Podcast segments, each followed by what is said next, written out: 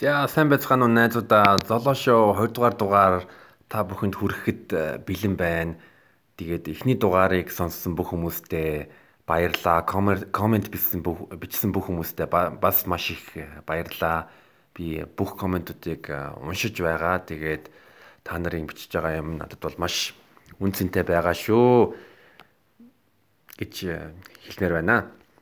За тэгээд Та бүхний 7 нэг амжилттай өнгөрсөн э, гэдэгт э, найдаж байна. Миний хувьд бол маш э, маш их ажил ажил ихтэй хувийн болон одоо яг миний үндсэн идэг ажлын бол зөндөө зөндөө юм болсон. Гэхдээ би бол яг та бүхэнд хэлсэн шиг бүтэнсөө өдр болгон өөрийнхөө 7 нагт нэг удаа бүтэнсөө өдр болгон подкаста подкаста YouTube channel дээр тавих болно Тэгээд э, өнөөдрийн э, подкаст э, эхлэхээс одоо эхэлсэн байгаа л да. Эхэлсэн байгаа. Гэхдээ би одоо сонсож байгаа хүн болгонд гурван асуулт тавьмаар байна.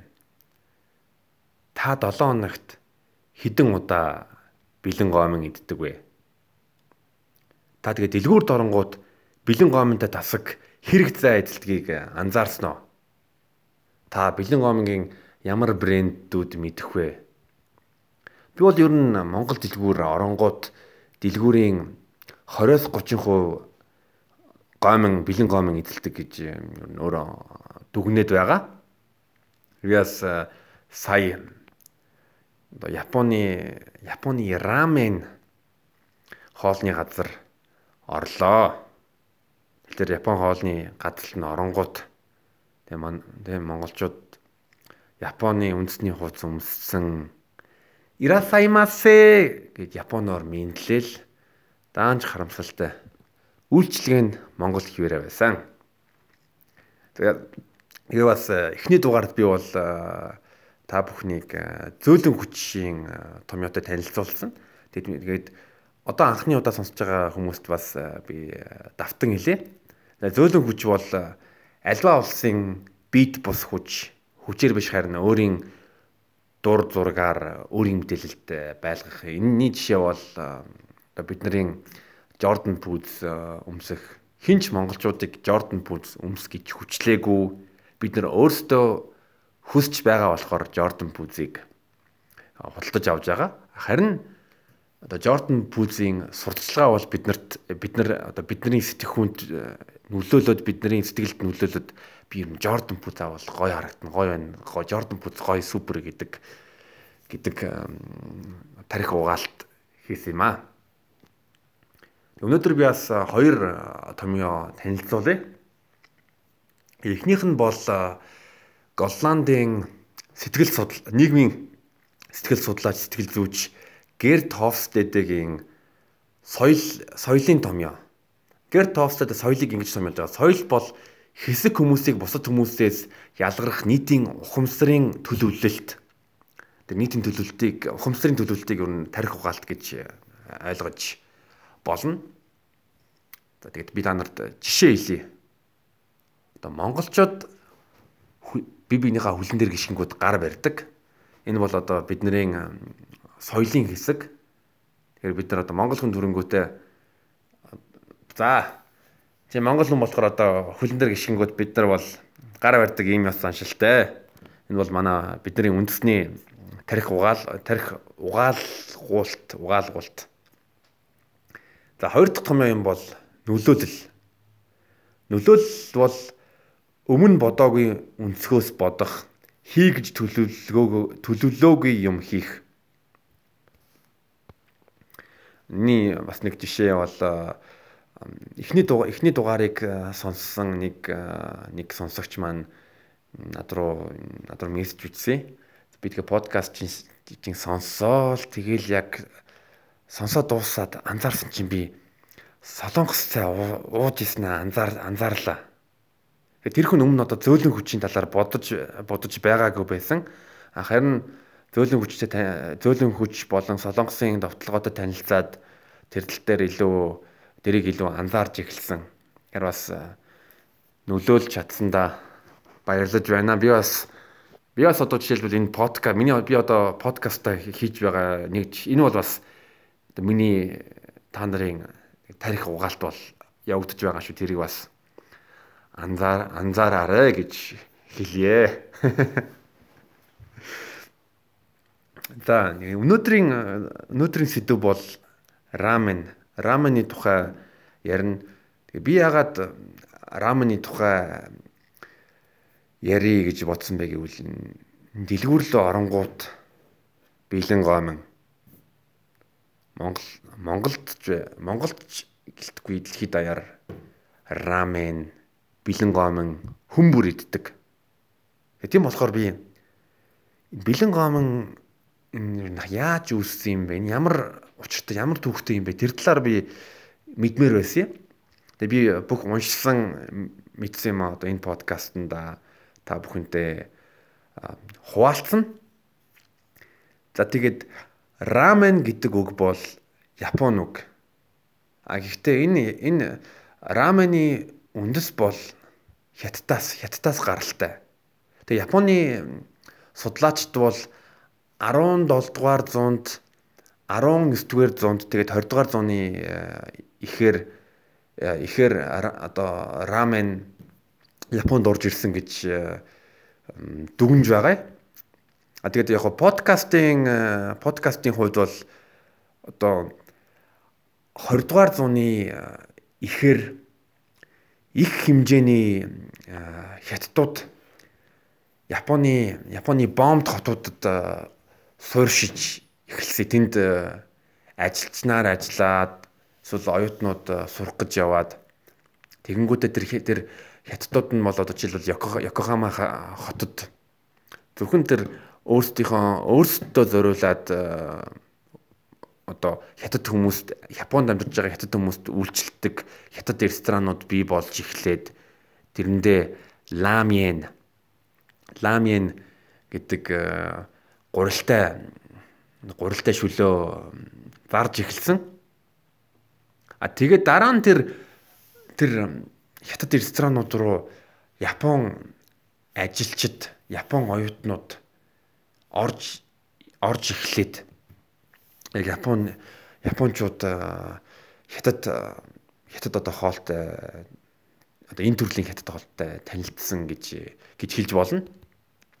А тэгээ бас юу японочууд ч энэ юуг тэр үед рамен гэж хэлдэг байсан. 1910-ад оны үеэр бол чанкорособа, чансоба гэж нэрлэдэг гэсэн нь бол яг яг шууд орчуулах юм бол хужаашүл гэж орчуулж болно. Яагаад гэвэл японочууд тэр үед одоо хятадуудыг бас гадуурхаж чанкорособа чансоба гэж дууддаг байсан байлээ. Тэгээ 1910 онд анхны япон хүн Токиод рамен гуанз нээсэн. 1923 онд Токиод бол мянган хятад гуанз ажиллаж байсан гэдэг баримт бол байгаа. Тэгээ тэр үе бас маш маш сонирхолтой. Яг гэвэл 19 дугаар зууны сүүлээр Япон улс Япон улс өөрийнхөө эдийн засгаа нээгээд тэгээ бас одоо барууны техник технологиг авчираад Япон улс Япон улсын үйлдвэржилт эхэлсэн. Тэгээд нэг бас нэг сонирн баримт гэвэл 1900 14 онд одоо Японы Японы үйлдвэрлэлийн үн бол хэмжээ нь бол 1.4 тэрбум йен байсан. Харин 1918 онд энэ хэмжээ нь бол 6.8 тэрбум йен хүртэл хүрсэн байлээ. Баа эн чинь баг баг 5 дахин өссөн байна штэ.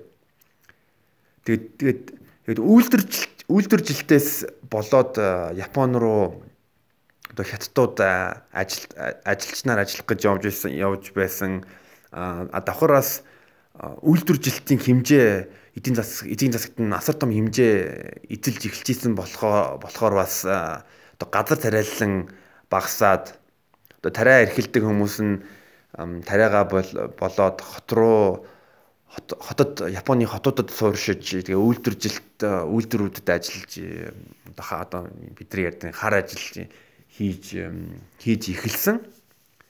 А тэгээ тэр үед нь бас энэ энэ рамен энэ рамен шүлийг шүлийг бас ингээд гудамжин дээр хүмүүс ингээд тэрэг түрээд зардаг зардаг байсан байл л да. Яг одоо ингээд нарантуулаар алхангууд энийг тэрэгэн дээр юм хумаа тавьсан одоо хоол хоол хоолоо хоолоо тавьсан ах эгч нар ингэ яваад та хоол аваараа хоол аваараа гэдэг дуудаад халвсал халваа арцаа аваараа халваа аваараа яг яг тим маягаар бол гудамжин дээр рамен одоо зардаг байсан байлээ. Тэгээд бодоход бас асал яг тухайн тухайн үеийн нөхцөлд бол яг нийцсэн байл. Ягаад гэвэл рамен рамен рамений гой хамгийн гол э, зүйл зүйл нь бол одоо шүл. Тэгээд шүлийг нь одоо олон цаг э, буцалгаад шүл нь бол бэлэн байж халаагаал байж идэг. Харин одоо байнга одоо буцалгаад бэлддэг юм гэвэл одоо гомин одоо гоминго буцалгаал тэгэл шүл рүүгээ игээл ер нь тим ажил тим тим ажил байсан. За тэгээд цааш нь үргэлжлүүлэх юм бол Япон бол 1900 юу 1943 оноос 45 онд хүнсний үйлдвэрлэлээ Япон улс хүнсний үйлдвэрлэлээ 26 хувиар бууруулсан. Тэг яагаад бууруулсан бэ гэвэл Япон улс чинь Герман Италитай хамтраад дэлхийн 2 дугаар дайнд оролцож исэн. Одоо манай Монголын одоо хажууд байгаа хятадын манж хятадын одоо манжуудын байсан нутаг дээр Манжукуо гэдэг улс байгуулж исэн. Тэгээ тийм болохоор Японы засгийн газар одоо бүх улсынхаа бүх хүчээ дайны дайны зорилгот шилжүүлнэ гэд хүнсний үйлдвэрлэлээ багассан. А мөн дайны үед японочууд сард 2 удаа махгүй хоол идэх ёстой гэдэг тогтоолууд гарч исэн. Одоо манай Монголын одоо сарын ихээр согтууруулах ундаа зарахгүй гэсэн адилхан хуультай хоёр японочууд сарын 2 хоног мах идэхгүй гэдэг хуультай байсан байлээ. Яс Япон улс чинь колонтой байсан. Тэр колонууд нь бол одоо Солонгос болон Тайван. Тэгээд Тайванаас Тайван Солонгосоос будаа татдаг байсан. Тэгээ дайны үеэр одоо будаа таталт нь багасаад тэгээд 1944 оноос 44 оноос 1947 он хүртэл Япон Япон бол их үлсгэлэнтэй байсан. Тэр хүмүүс Япончууд Япончууд тэр үед одоо шавж хорхой янз бүрийн одоо ер нь байдаг олддог ургамал одоо модны үндэс ч юм уу тийм тийм тийм юмар одоо амиа аваад э, явж байсан. Тэгэхээр 8 сарын 8 сарын 1945 оны 8 сарын 15-нд Япон улс албан ёсоор албан ёсоор бууж бууж өгөөд танараас одоо мэдж байгаа хаа Америкчууд чин Америкчууд чин Японы Хирошима болон Нагасаки хотод цүмийн зэвсэг цүмийн зэвсэг зэвсэг ашиглаад одоо японочдыг сөгдүүлж өгсөн дөө. Тэгээ яг тэр яг 1945 онд яг дайны дайн дуусах үед Японы засгийн газрын одоо хуулиар хуулиар баталсан одоо бараа бүтээгдэхүүний бүтээгдэхүүнүүдийн үнэн одоо жишээ нь нэг аяг будаа бол 1000 төгрөг гэж авчих юм бол яг жинхэнэ цэвэр зах зээлийн үнэ нь бол 34 мянган төгрөг 34 34 34 мянган төгрөг бүр 34 4 удаа илүү өндөр байсан. За манай японочууд чинь тэр үед бас нэлээд зовсон байлээ. Тэгэл 1945 оноос 1945 оноос 1951 он хүртэл Япон улс одоо Америкийн дарлал дор э, байсан. Энийг англиар бол э, under American occupation гэж э, гэж хэлж байгаа. Тэгээд яг дайн дуусны дараа Японд хүнсний хомсдол хомсдол байх үед Японы засгийн газар одоо иргэн бүрт хүнс тарааж өгдөг байсан. А тэгээд тэр хүнсний тараалт тараалт тараалт тараалт нь одоо маш хахуул булгаа ихтэй байсан. Тэгээд японочууд бол жагсаал гаргаа гаргаад бослог бослог гутал гаргахад хурж байсан. Тэгээ тэр тэр бослогын нараас бас Японы коммунистууд бас юу төр засгийг унгаагаад унгаах магадaltaй гэд Америкчууд японочуудад японочуудыг хүнсээр хангаж эхэлсэн. А гэхдээ тэр бол юу буйны ажил байгаагүй энэ бол бизнес байсан. Америкчууд Япон руу явуулсан бүх хүнс түүхийд түлш түлшийг түлшийг түлшийг тооцож аваад Япон улс одоо энэ бүх бүх худалдаж авсан хүнс түүхий түүхий түүхийд э, түлшийнхаа төлбөрийг төлөх чадвартай болонгууд төлүүлнэ гэсэн гэрээ хийсэн. Тэгээ тэр тэр гэрээ тэр тэр гэрээний дагуу Япон улс 1962 онд 15 жил Америкаас хүнс түүхий түүхийд э, түлш худалдаж авсан гэж Америк улсад 500 сая доллар төлсөн. А давхар давхар одоо дайн дуусны зардал гэж Америкт 5 тэрбум доллар доллар төлсөн. Япон улс бууж өгсөн дараа Америкчууд ч Японд өөрсдийн гэсэн цэргийн баазууд бий болгоод тэр цэргийн баазуудын Америк Америкчуудын бүх зарлыг Япон улс Япон улс Япон улс дааж байсан. А тэгээ бас бас нэг сонирхолтой мэдээ юу вэ гэвэл одоо Америк улс чин Америк улс юу н арьс өнгөөр ялгуурладаг байсан. Яаж? Одоо 2 дугаар дайн дуусны дараа Америкчууд Европ Европын Европын Герман руу хүнс явуулдаг байсан яг Японтай адилхан. А тэгэнгүүтээ тооцоолт нь юм байсан одоо дундаж герман хүн 1275 калори калори хүнс идэх ёстой. Харин дундаж япон хүн 800 калори хоол идэх ёстой. Чи бараг 60% ялгаа байгаа. Гэт Аз хүн болохоор хоол бага иддэг иддэг. Харин Европ одоо цагаан арьс цагаан арьстай хүн одоо хүнсний хэрэгцээ нь илүү их болохоор тэгж тооцсон тооцсон юм байлээ. Энэ бас та бүхэнд сонирхолтой мэдээ байж болно гэдэгт итгэж байна. Тэгээ бас нэг өөр юм өөр юм гэвэл одоо Америкчин Америк Америк бас 1940-од 50-ад оны үеэр маш их хэмжээний хүнс үйлдвэрлэдэг байсан. Тэгээ тэр тэр хүнсний нэг нэг нэг нэг хэсэг нь бол буудай байсан.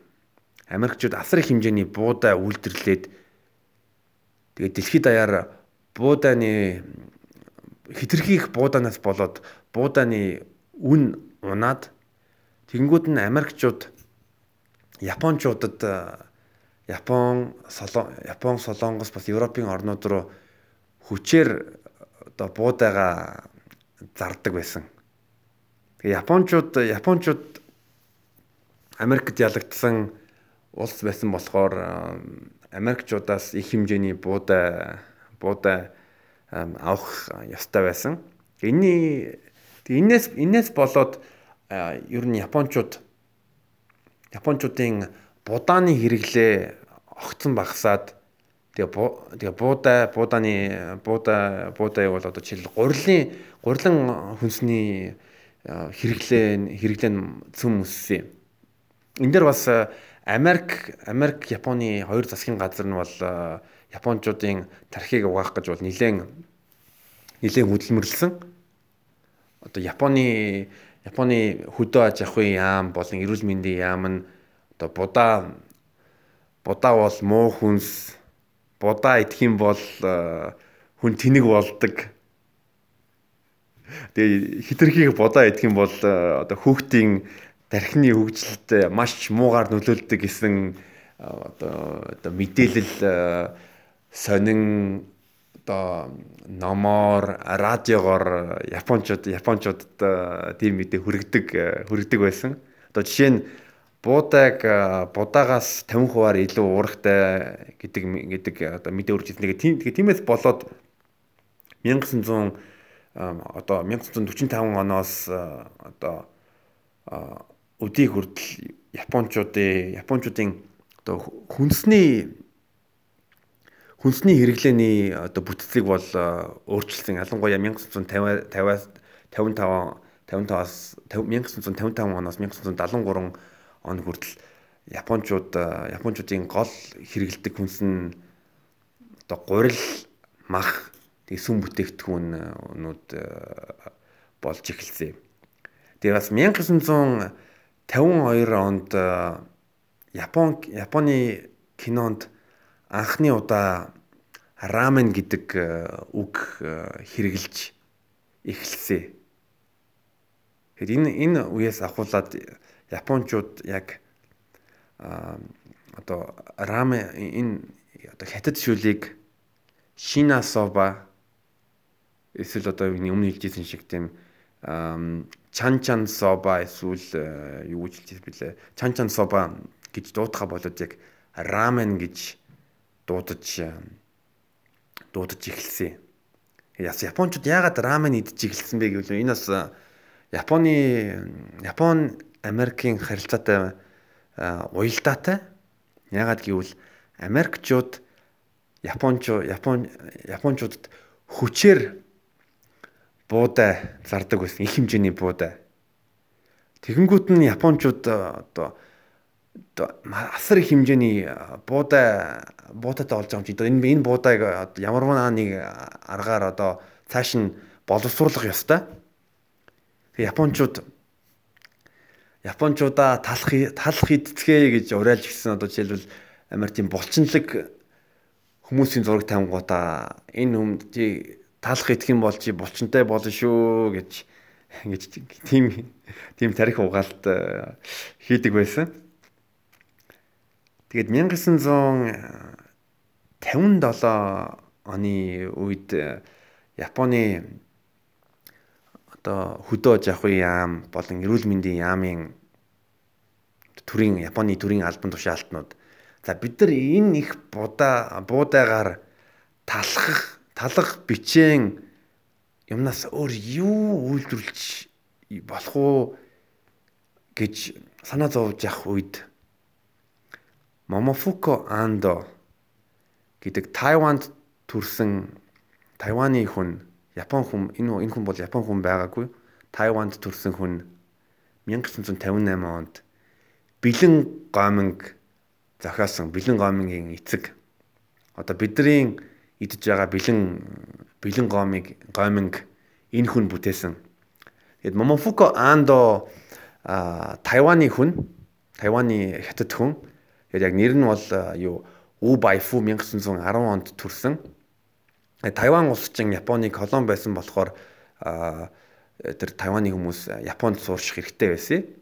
А мэдээж Япончууд чинь өнцөг хүмүүс болохоор Солонгосчууд болон хятадуудыг дорд үздэг. Тийм болохоор зөндөө олон Японд амьдардаг солонгосчууд э, болон э, хятадууд э, нэрээ Япон болгодог байсан. Тэгээд манай Убайфу, Момофуко Андо гэдэг Япон нэртэй болсон.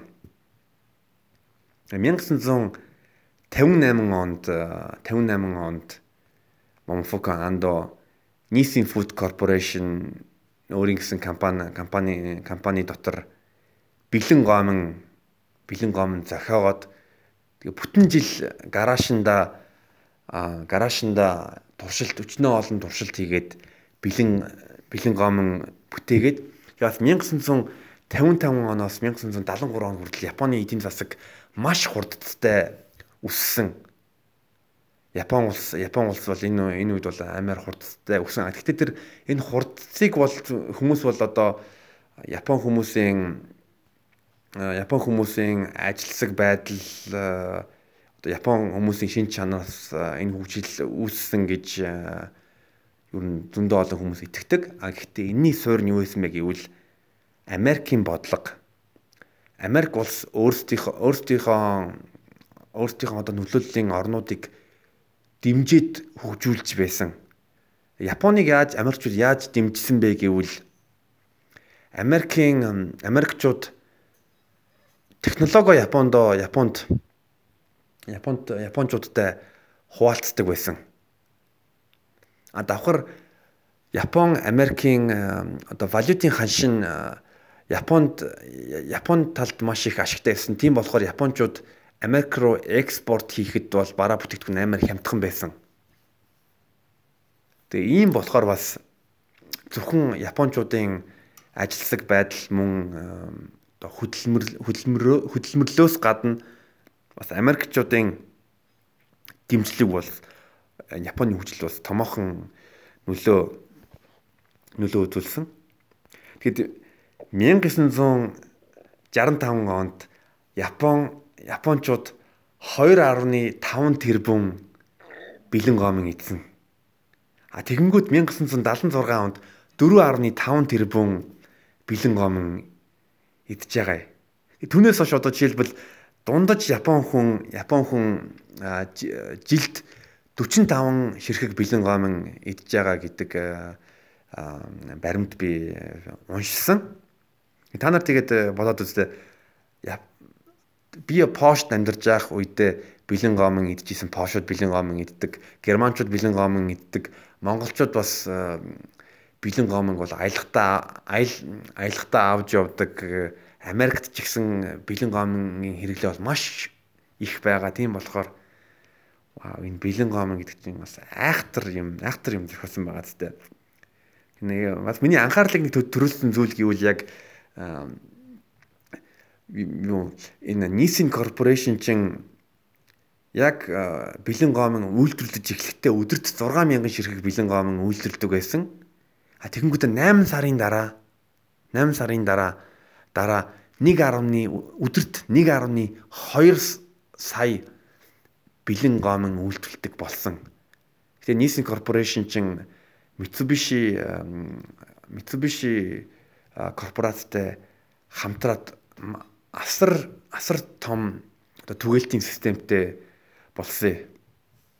Миний анхаарлыг э, татсан зүйлүүд гэвэл яг 60 Япончууд 60 70-ад онд э, бэлэн гомонго э, сурталчлах сурталчлахдаа одоо бэлэн гомон бэлэн гомон бол одоо одоо хүч нэмэгдүүлдэг одоо булчин булчинлаг болгодог гэж бичижсэн одоо жишээлбэл бэлэн гомон идэх юм бол одоо хамгийн тижээллэг хамгийн сайхан амттай хүнс бол бэлэн гомон гэж сурталж сурталжилж байсан. А давхар бол одоо жишээлбэл юу Америкчууд яагаад яагаад Япончуудаас илүү байдаг вэ гэвэл Америкчууд их хэмжээний гурил иддэг, талах иддэг, гурилан бүтээгдэхүүн иддэг болохоор Америкчууд тархин сэрэг гэж Японч Японч Япончууд Япончууд өөрсдийгөө өөрсдийгөө тэгж э, тэгж тархийг тэгж угаадаг байсан. А бас Nissan Corporation чинь засгийн газрын оо сертификаттай байсан. Энэ бол тусгай эрүүл хүнс тэнгуүтэ бэлэн гомонд бэлэн гомон гомонго витамин B1 B2 витаминээр баяжуулдаг байсан. Та нар ихтэй бодоод үзтээ. 60 70-ад оны үед э, бэлэн гоминг одоо маш супер эрүүл э, бие дээлтэй ямар ч муу нөлөө нөлөөгүй гэж э, сурталчилдаг байсан. А одоо харин та юу юу гэж боддог вэ? Бэлэн гомон эрүүлөө эрүүл биш үү? За тэгээд товчхон та бүхэнд бэлэн гомон танилцууллаа. Та нар юу нь бэлэн гомон хэр байнга иддэг вэ? Рамен рамен миний ойлголт миний ойлголтоор бол э, оюут дийлэнх бол оюутнууд өсвөр насны хүүхдүүд бэлэн гомын иддэг. Харин одоо дундад шатны хүмүүсийн бэлэн гомон бол рамен. Гэхдээ энэ хоёрын дунд бол нэг том яг ялгаа яг яг за яг рамны газар идэх юм бол тэнд шүлэн арай чанартай тэг ганц хоёр шиг мах махтай байна. эсвэл ногоотой. Тийм болохоор та нар комментэнд бичээрэй. Ямар 7 хоногт хэд удаа бэлэн гомын иддэг вэ? 7 хоногт оо 7 хоногт биш уучлаарай. Э дэлгүүрд оронгууд бэлэн гомынгийн тасаг хэрэг зай эзэлж байна. Та нар ямар бэлэн гомынгийн э, брэндүүд дуртай вэ? Тэрийг комент секцэнд комент хэсэгт э, бичээрэй. Тэгээ би би бас та бүхэнд э, энэ подкастын төгсгөлд хэрвээ би подкаст ярихдаа алдаа алдаа хийх юм бол тэр алдааг минь бичээд өгчвөл би UB comedy-д шоу үзэх хоёр урилгаар урилгаар шагнана би бас подкаста та бүхэнд хүртээмжтэй бас сонирхолтой ярихын төлөө хичээнэ. Тийм болохоор хэвлээ хамтдаа хөгжцгөөе. За тэгээд өдрөө сайхан өнгөрүүлээрэ баярлалаа. Золоо байлаа.